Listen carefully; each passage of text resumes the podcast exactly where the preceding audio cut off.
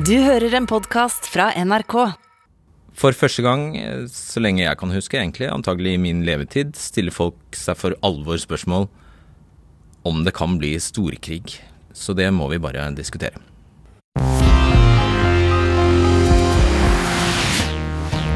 Forsvaret rekvirerer i kveld over 4000 privatbiler de trenger i en krigssituasjon. Russland kan når som helst komme til å starte et angrep på Ukraina, sier president Bidens talsperson i kveld. Europa er inne i den mest alvorlige krisen siden den kalde krigen, hevder ekspertene. Russland har sendt langgangsskip inn Kattegat. Sverige russer opp på Gotland. Det observeres droner over kjernekraftverk i Sverige. Nøytrale Finlands president understreker at de står fritt til å bli Nato-medlemmer når som helst. Nato har sendt et nederlandsk krigsskip til Østersjøen. Danmark har sendt en fregatt og kampfly til Baltikum. Og langs grensa til Ukraina har Vladimir Putin stilt opp 100 000 soldater. På plass i studio er forsvarsminister Odd Roger Enoksen. Stortingets eh, leder av Stortingets utenriks- og forsvarskomité, Ine Eriksen Søreide. Femte visepresident på Stortinget, Ingrid Fiskå. Og FrPs stortingsrepresentant Christian Tybring-Gjedde. Og velkommen også til deg, seniorforsker med Norsk utenrikspolitisk institutt, Julie Wilhelmsen. Nå skal jeg gi deg noen ganske vanlige anklager om Russland, så følg med og, og hør etter om du ikke har hørt det før. Autokraten Putin, han som settes i forbindelse med giftdrap og leiemord, vil gjenreise det russiske imperiet. Han hevder Russland ble lovet at Nato ikke skulle ekspandere østover etter murens fall, som vi ser på kartet her. I tillegg, har, I tillegg til eh, de tidligere Warszawapakt-landene har Sverige og Finland, Ukraina og Georgia blitt partnerland av Nato. Og så tilbake til påstandene. For å få gjennom viljen sin går Putin til krig når han følger for det. Han okkuperer litt land her og der, han blander seg inn i det politiske livet til nabolandene. Og nå krever Putin at Nato trekker seg ut av territoriet til alle østeuropeiske land. Og at ingen nye land skal kunne bli Nato-medlemmer. Det vil også si Sverige og Finland. Og Putin vil ha tilbake et delt Europa. Han truer med å bruke makt for å oppnå det. Noe av dette tror jeg var ganske gjenkjennelig, i hvert fall for eh, vanlige norske ører, Julie Wilhelmsen. Du skal eh, nå hjelpe oss med å nyansere denne versjonen, kanskje sett med litt russiske briller. Hva er det aller viktigste valget Norge og Nato nå står overfor? Eh, jeg tror det viktigste valget er forståelsen av Russland. Hva slags aktør Russland er, og hva slags konflikt man er i med Russland. Hvis man eh, tolker Russland som en aktør som er aggressiv og ekspansjonistisk, uavhengig av hva vestlige land og Nato gjør, så blir jo den logiske politikken å avskrekke og demme opp for Russland så tett rundt Russlands grenser som mulig, eh, med den ideen at hvis ikke vi stopper opp, stopper Russland opp, så siver Russland inn. Det er én versjon. Den andre tolkningen er at Russland fremdeles er en stat som interagerer eh, med andre stater, og spesielt Vesten eh, og Nato. Og det å ta et skritt tilbake, f.eks. når det gjelder eh, hvordan Nato-landet forholder seg til Ukraina, er verdt et forsøk for å se om Russland da vil ta et skritt tilbake. Og Da ville man jo tolke, etter at Russland har tatt eh, Krim, tror jeg ikke de kommer til å gi tilbake, eh, men da ville man jo tolke Russlands eh, inngripen i Øst-Ukraina, og der de fremdeles har en slags eh, ja, jernhånd inn i, eh, inn i Øst-Ukraina, som en slags brekkstang de bruker for å holde Ukraina utenfor Nato-folden. Og Da vil det kanskje være verdt å tenke hvis vi prøver å ta et skritt tilbake, vil Russland gjøre det samme. Hvis man tolker Russland som den type aktør. I et sånt tilfelle så ofrer vi vel eh, Ukraina? Eh, ja, det kan du si. Og det er jo det som har vært eh, Hvis jeg skal tenke på den siste uken som har, eh, som har gått med, med, samtaler, så er det jo det man har trukket fram som det viktigste her. Det er den nasjonale selvbestemmelsesretten, nemlig det at uh, Ukraina må få velge selv om det Eh, vil være eh, Det er en sak for Nato-landet og Ukraina, og det har ikke Russland noe med. og Det er selvfølgelig et veldig viktig prinsipp, spesielt for små land, altså som eh, Norge. Men det som er utfordringen her, og som man må ta stilling til, det er om det å eh, insistere på viktigheten av dette prinsippet eventuelt kan lede oss inn i en storkrig der alle mister eh, sin sikkerhet. Og så skal man også huske på at eh, Ukrainas Nato-medlemskap f.eks. er jo noe Nato-landene eh, eventuelt bestemmer seg for. Og slik det er i dag, så er det veldig lite sannsynlig at Nato-landene kommer til å ville ha Ukraina inn i, inn i, Nato. I tillegg så er det også veldig lite sannsynlig at en stat som USA faktisk er villig til å gå i krig med Russland eh, for Ukrainas skyld. Ja, så bare for å oppsummere det siste her. Du, det er din mening at det, eh, at det, er faktisk ikke dette prinsippet, selvbestemmelsesprinsippet, er ikke viktigere enn å avverge en storkrig? Eh, det må man i hvert fall uh, vurdere. Men som sagt, det er her det, det, det, store spørsmålet er hva slags aktør er egentlig Russland? Og er det sånn at man på vestlig side kan gjøre noen ting som helst for at Russland roer seg ned og trekker seg tilbake. Så i hvilken grad handler dette egentlig om Ukraina? Nei, altså Hvis jeg skal holde meg til russisk politikk, da, som det er det jeg kan noe om, eh, så er det klart at i utgangspunktet så handler eh, Ukraina om Ukraina for Russland av hi historiske eh, grunner. Men etter at Russland tok Krim, så eh, ser det ut som eh, eh, Ukraina blir nærmest et slags territorium for stedfortrederkrig, altså kampen mellom eh, Russland eh, og Vesten. Og den motparten de snakker til og forholder seg til, eh, det er Nato og primært USA. Uh, og det, Ukraina, nei, det, Russland nå har sagt med sine uh, voldsomme krav, som de uh, kom med i, i desember, det, det, er jo på en måte å si at dette er den røde streken. Ukraina kan ikke bli Nato-territorium. Og det er ikke så rart at man sier at for dette er de villige til å gå til krig. Nettopp. Og så hevdes det fra Russlands side at det som har skjedd, er at Nato har revidert sikkerhetsarkitekturen i Europa. Hvis du kan prøve å forklare det litt kort, hva betyr det, og, uh, ja, og, og, og stemmer det? Altså igjen så er, er, den russiske fortellingen da, at de ble gitt et løfte etter den kalde krigens slutt om at Nato ikke ville ekspandere eh, lenger øst. Og så eh, har de sett det skje. Eh, og spesielt kanskje Eh, og dette var ikke så tydelig artikulert tidlig på 2000-tallet, men det har blitt mye tydeligere artikulert nå. Fra Russland. Eh, fra Russlands side. Eh, det er spesielt problematisk at tidligere land Sovjet, som var del av Sovjetunionen og tidligere Warszawapakt-land eh, har blitt eh, medlemmer. Og de forfekter et prinsipp som, de, eh, som, heter udelelig sikkerhet. Og de mener at den opprinnelige sikkerhetsarkitekturen i Europa den fremhevet dette prinsippet, nemlig at et, en part kan ikke øke sin sikkerhet på bekostning av en annen. Så hvis du legger Eh, den russiske forståelseshorisonten til grunn, så kan du si at ja, da har det skjedd en revidering. Men eh, de eh, vestlige statene og, og eh, Nato ville selvfølgelig si at dette er helt feil, fordi et slikt løfte om ikke å utvide Nato østover. Det ble kanskje gitt, men det ble ikke gitt formelt. Og det var heller ikke mulig å gi det, fordi det ville innebære å gå på kompromiss med det andre viktige prinsippet, nemlig selvbestemmelsesretten. Ja, da, da hadde, man, hadde, jo Nato egentlig sagt til disse tidligere østblokklandene dere kan aldri søke hos oss. Ja. Ja. Eh, nå må vi være litt raske, men eh, sett med russiske briller, hva er det ved Norge som har vært provoserende siden Vi kan, sette, vi kan starte i 2014. Ja, altså, Dette har jeg sett på litt sånn systematisk i hvordan Norge, nei, Russland omtaler Norge. Og Norge har på en måte to to ansikter i det russiske bildet. og Det ene er Norge som et, eh, en pragmatisk nabo, og det andre er Norge som Nato. Og Disse to ansiktene har Norge alltid hatt, hvis du leser russisk offisiell tale om Norge.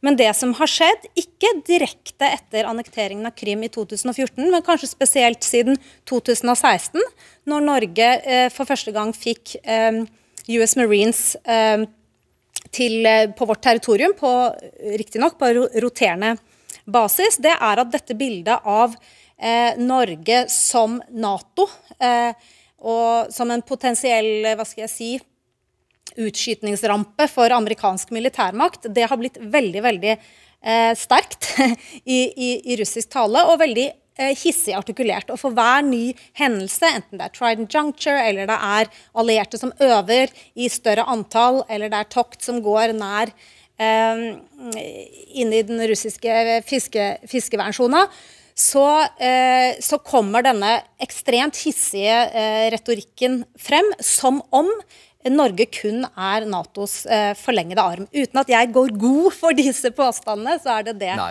jeg leser ut av hva Russland sier. Takk for at du hjalp oss med å tolke det, tolke det bildet med, med, med, med, russiske briller. Tusen takk, Julie Wilhelmsen. Og Roger Enoksen, det er altså slik at uh, Norge har allerede soldater i Baltikum. Nå hører vi at uh, Danmark Hvis det kommer en anmodning fra Brussel om å sende flere, om å bidra med mer soldater eller utstyr, hva gjør vi da?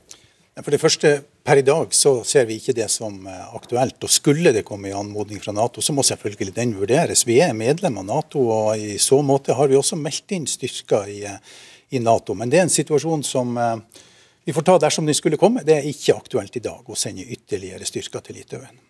Men Ine Eriksen Søreide, du er jo altså tidligere både forsvars- og utenriksminister, og nå leder du altså utenriks- og forsvarskomiteen på Stortinget. Danmark har sendt en fregatt, som jeg nevnte her i sted. Fire jagerfly til Baltikum også. Uh, Norge har styrker i Litauen allerede. Hva mener dere vi bør gjøre hvis det, hvis det kommer en sånn anmodning? Altså, for det første er det jo sånn at uh Norge har alt å tjene på å engasjere oss i Nato i dette spørsmålet. og Det opplever jeg også at vi gjør. Og vi har alt å tjene på å være en troverdig og forutsigbar alliert, som vi alltid har vært.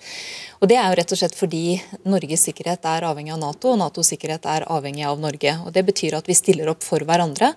Så er det, som eh, forsvarsministeren sier, en situasjon nå hvor det ikke har vært eh, aktuelt foreløpig, men det kan det komme til å bli. og Da vil jeg jo forvente at Norge også der eh, stiller opp sammen med våre allierte.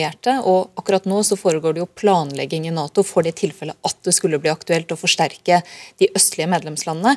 Men det er viktig å understreke at dette altså dreier seg om å forsterke Natos eget territorium. Det er ikke å gå ut over Natos territorium. Ja, Baltikum, De baltiske landene er jo medlemmer av Nato, men det, det, jeg hørte nå, var at Høyre mener vi bør si ja hvis en sånn eh, forespørsel kommer. Hvis det er en enighet i Nato om det, så er det naturlig at Norge stiller opp. Akkurat.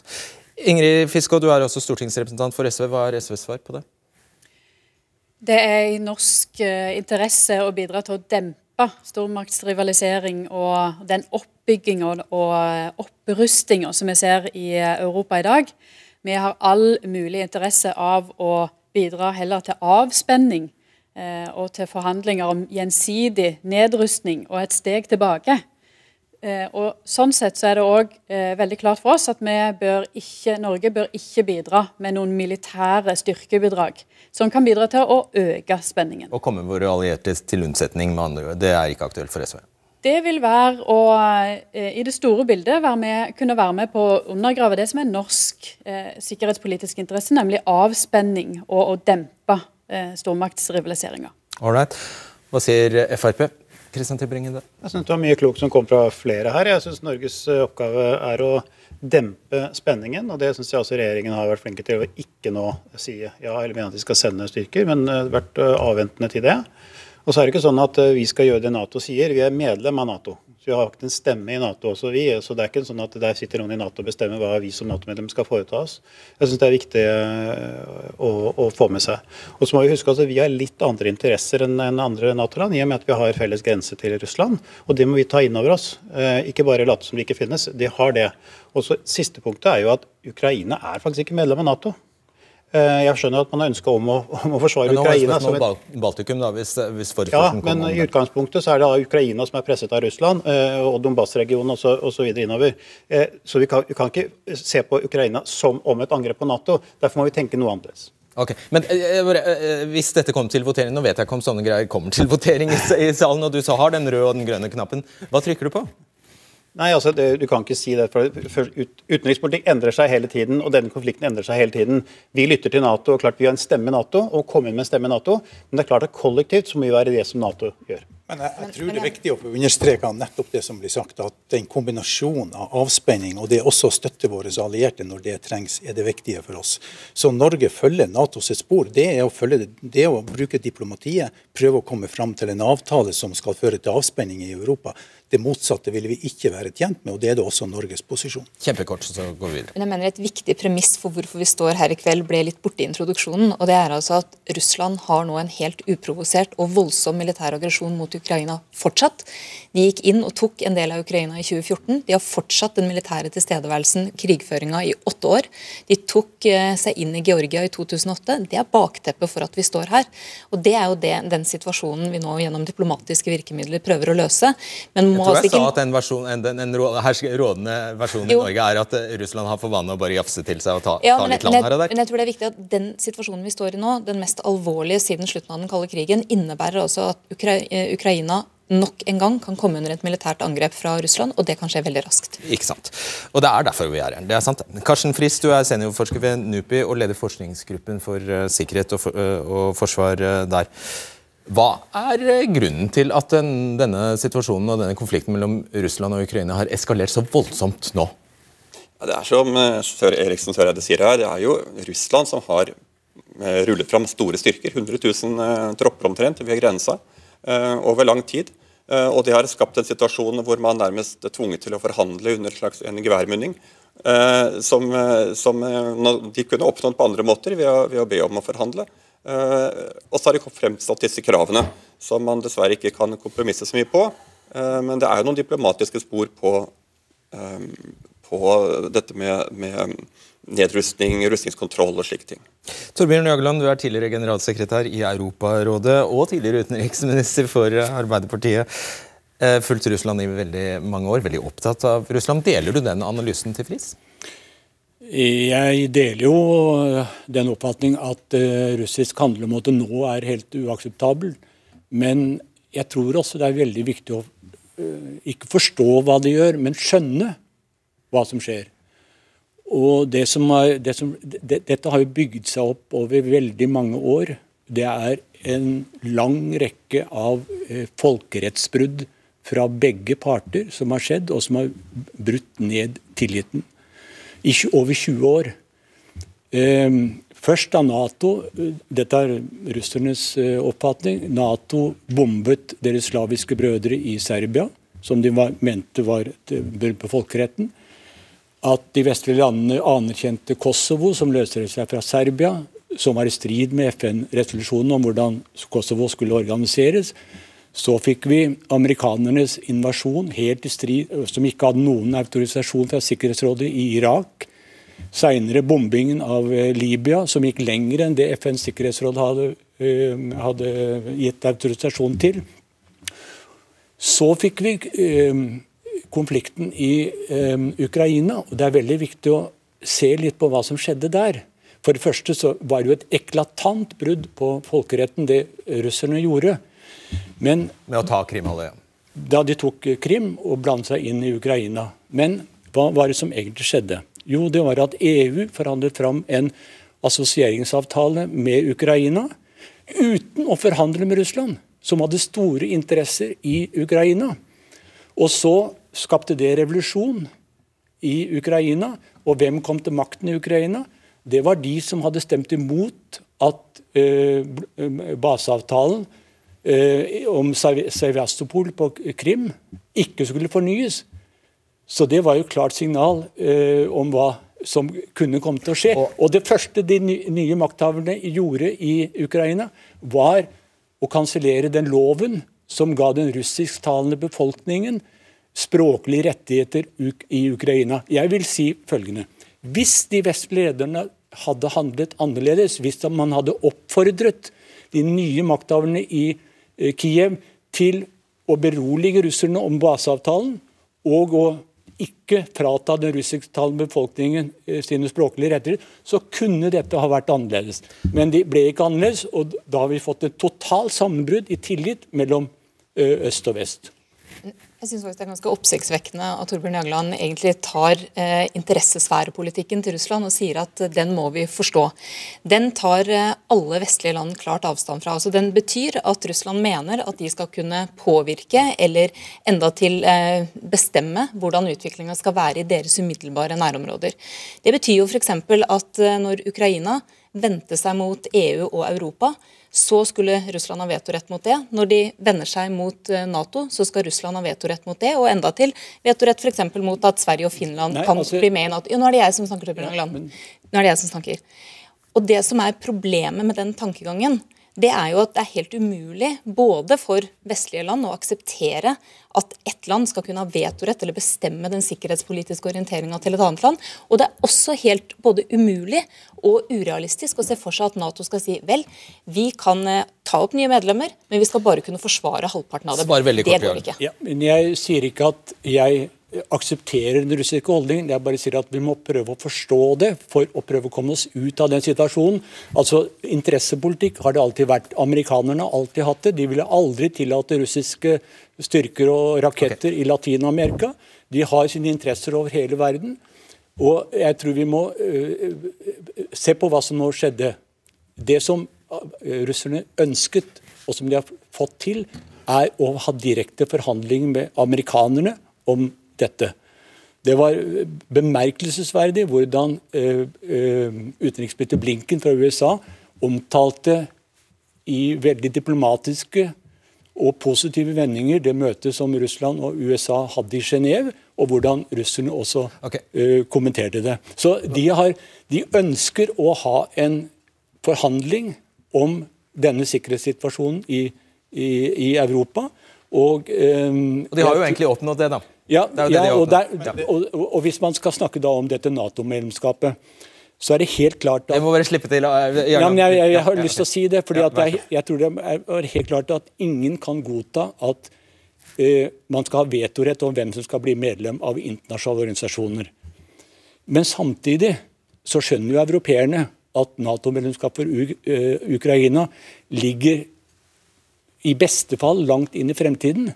Så det kan man komme rundt hvis man er villig til å snakke om kjernespørsmålet, nemlig styrkeoppbyggingen, eh, styrkeposisjoneringen og utplass, mulig utplassering av atomraketter i Europa. Da kan det talltrekk problemet der, egentlig for, Ja. eh, forsvinne. Fritz, du, kaller ikke, du kaller, sier at eh, dette spørsmålet om Ukraina strengt tatt ikke er et militært, eh, militært spørsmål, men hva er det da? Det, altså, vi vi kan snakke om masse detaljer her, men dette handler dypest sett om en konflikt mellom demokrati og autokrati. Og Russlands tilnærming til, verden, Putins tilnærming til verden og sitt eget land er at sterke menn styrer, og de er ikke så nøye med vanlige folk. Det gjelder også utenrikspolitikken. Små land er ikke så nøye, vi spiller sjakk, og der ofrer man noen bønder. Det er litt sånn. Og, og Deres syn på verden er at Nato har, har utvidet seg og nærmest liksom har omkranset Russland. Eh, mens vårt syn er helt omvendt. Nato har lukket opp døren og sluppet dem inn. Og, og det har da blitt en suksesshistorie. Nato- og EU-utvidelsen i Europa har vært en virkelig suksesshistorie som har skapt sikkerhet, og som ikke gjør, utgjør noen trussel overfor Russland utenom på én måte, og det er vel eksempelets makt. Ved at disse landene er så suksessrike at, at, at, eh, at eh, russere ser at det går bedre der. Og bare å avslutte der. eh, Det store frykten er at Ukraina også skal bli et vellykket demokrati. Det er det det handler om. Akkurat. Da, Tormod Heier, du er forskningsleder ved, eh, ved Forsvarets uh, høgskole. Velkommen til deg. Vi, du skal hjelpe oss med å forstå hva, hva, hva det er som militært har skjedd her.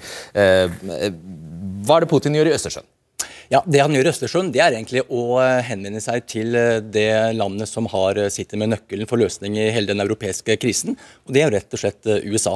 Så Det Putin gjør her, det er å invitere inn flere fartøyer som er hentet opp fra Nordflåten Kolahalvøya, fått inn gjennom Kattegat og inn i Østersjøen. og Dette er tre sånne bl.a. landgangsfartøyer. Og Dette er en måte å kommunisere politisk på eh, til Putin, eh, til USA, for å øke eh, presset, slik at Russland kanskje klarer å få frem enda flere konkrete og håndfaste eh, gevinster fra amerikanerne når det gjelder å lage denne bufferen som de ønsker å ha mellom seg og de amerikanske styrkene gjennom hele Europa. Men da blir jo svenskene og finnene for så vidt også vettaskremte. Definitivt, og det er noe av poenget, fordi eh, dette øker presset på USA. Da kan USA velge. Enten så vil de stå med rak rygg og være en troverdig sikkerhetsgarantist for sine allierte i Østersjøområdet, men da må de risikere å binde store deler av styrkene sine til Europa. Eller De kan imøtekomme russiske sikkerhetshensyn.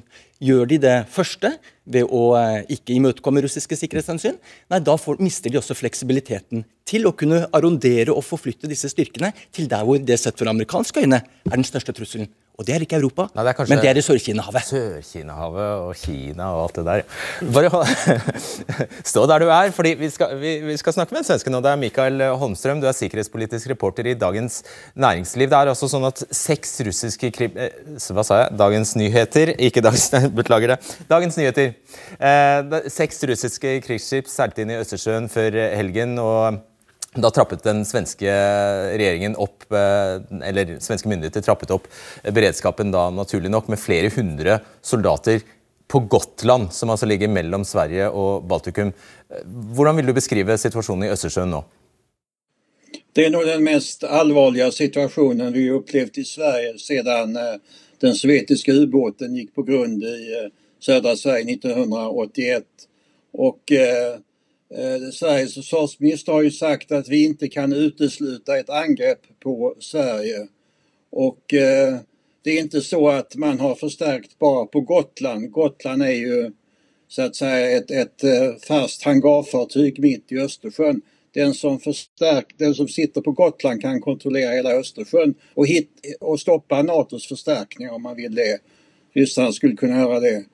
Och eh, det är inte bara så att man har förstärkt på Gotland utan eh, det var bilder här på pansarfordon igår i, i natt i Göteborg.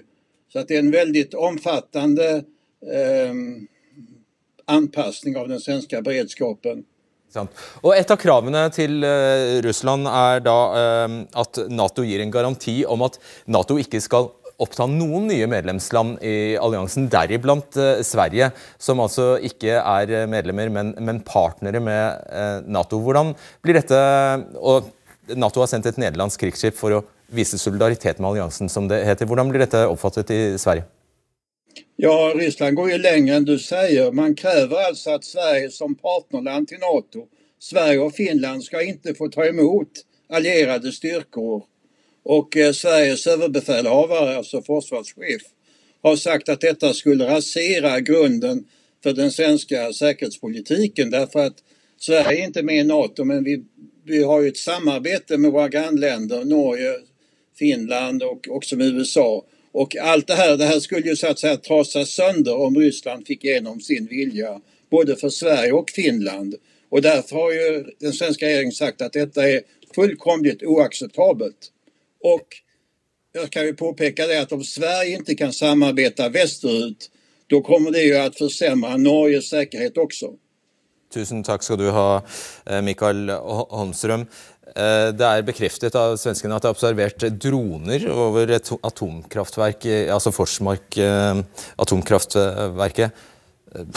Er det gitt at det er russerne som står bak? Nei, Det vet vi ikke, men det er jo besynderlig at det skjer akkurat når denne krisen har oppstått. så det er ikke unaturlig å anta det. Og dette tenker jeg er, Hvis det er tilfellet, så er dette nok et eksempel på hvordan Putin og Russland driver en form for politisk kommunikasjon for å skape engstelse, uro og bekymring i regionen.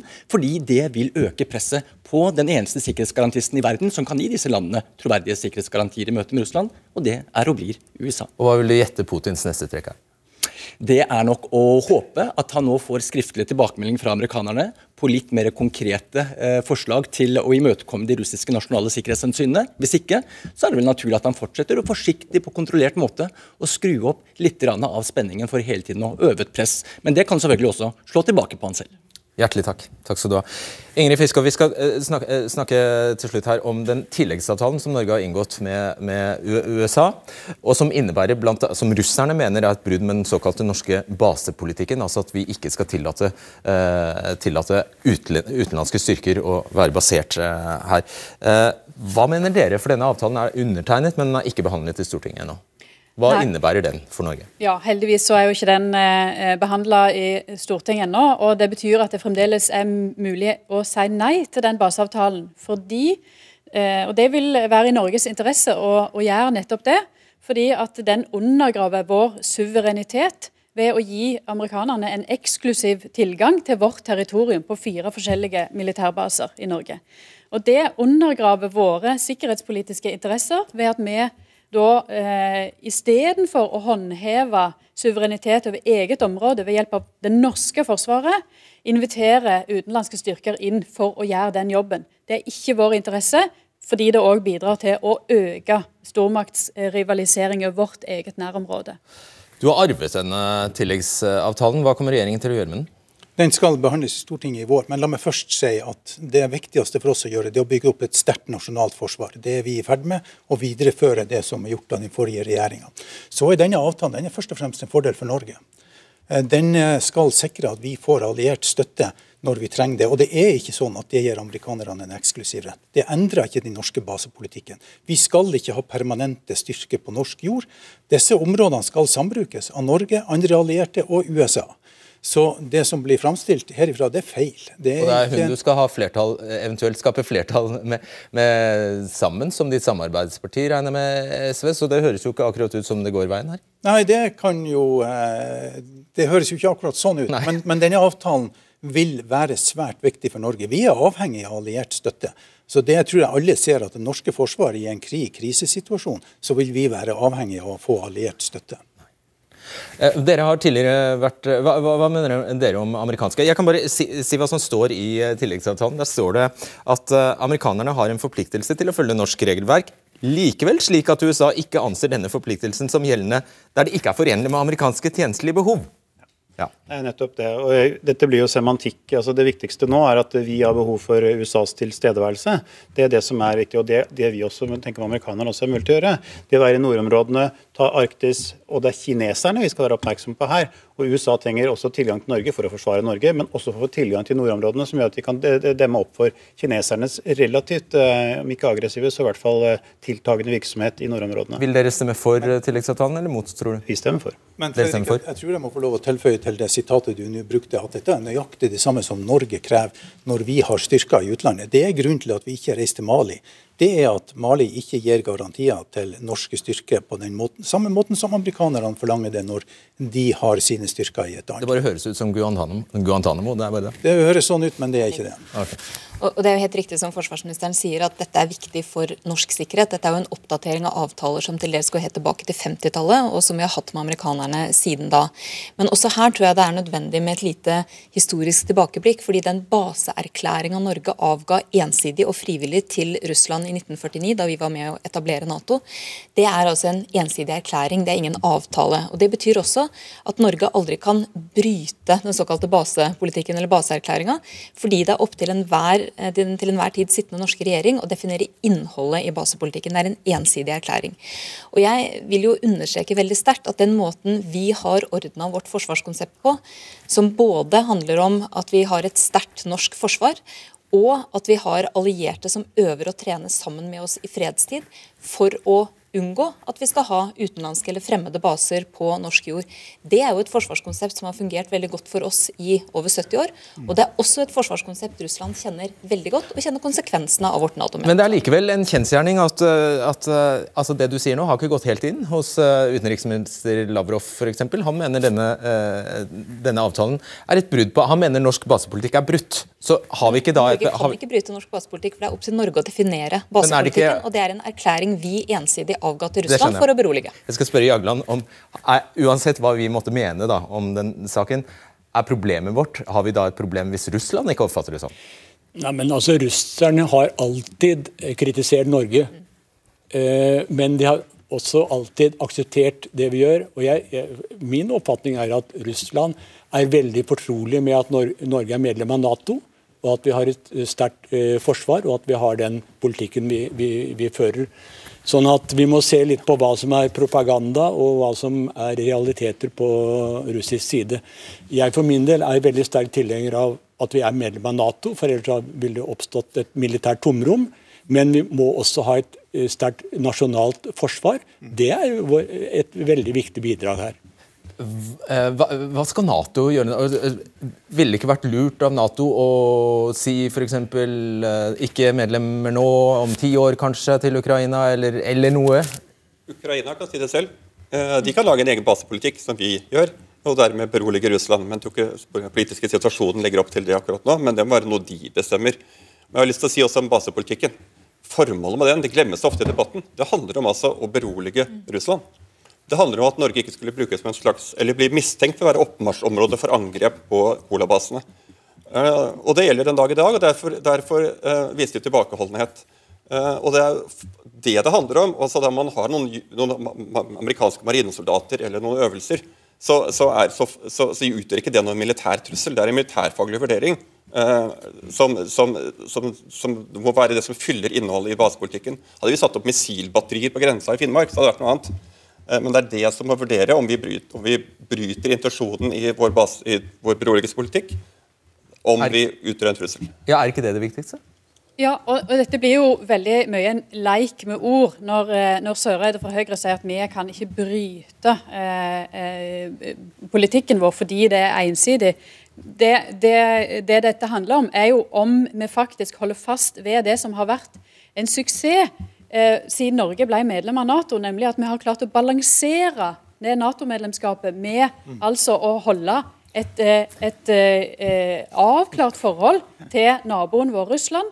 Eh, der, der, vi ikke har bidratt til å bygge opp under stormaktsrivalisering i vårt eget område, men snarere har blitt eh, oppfatta som noen som har eh, prøvd å bygge dette ned.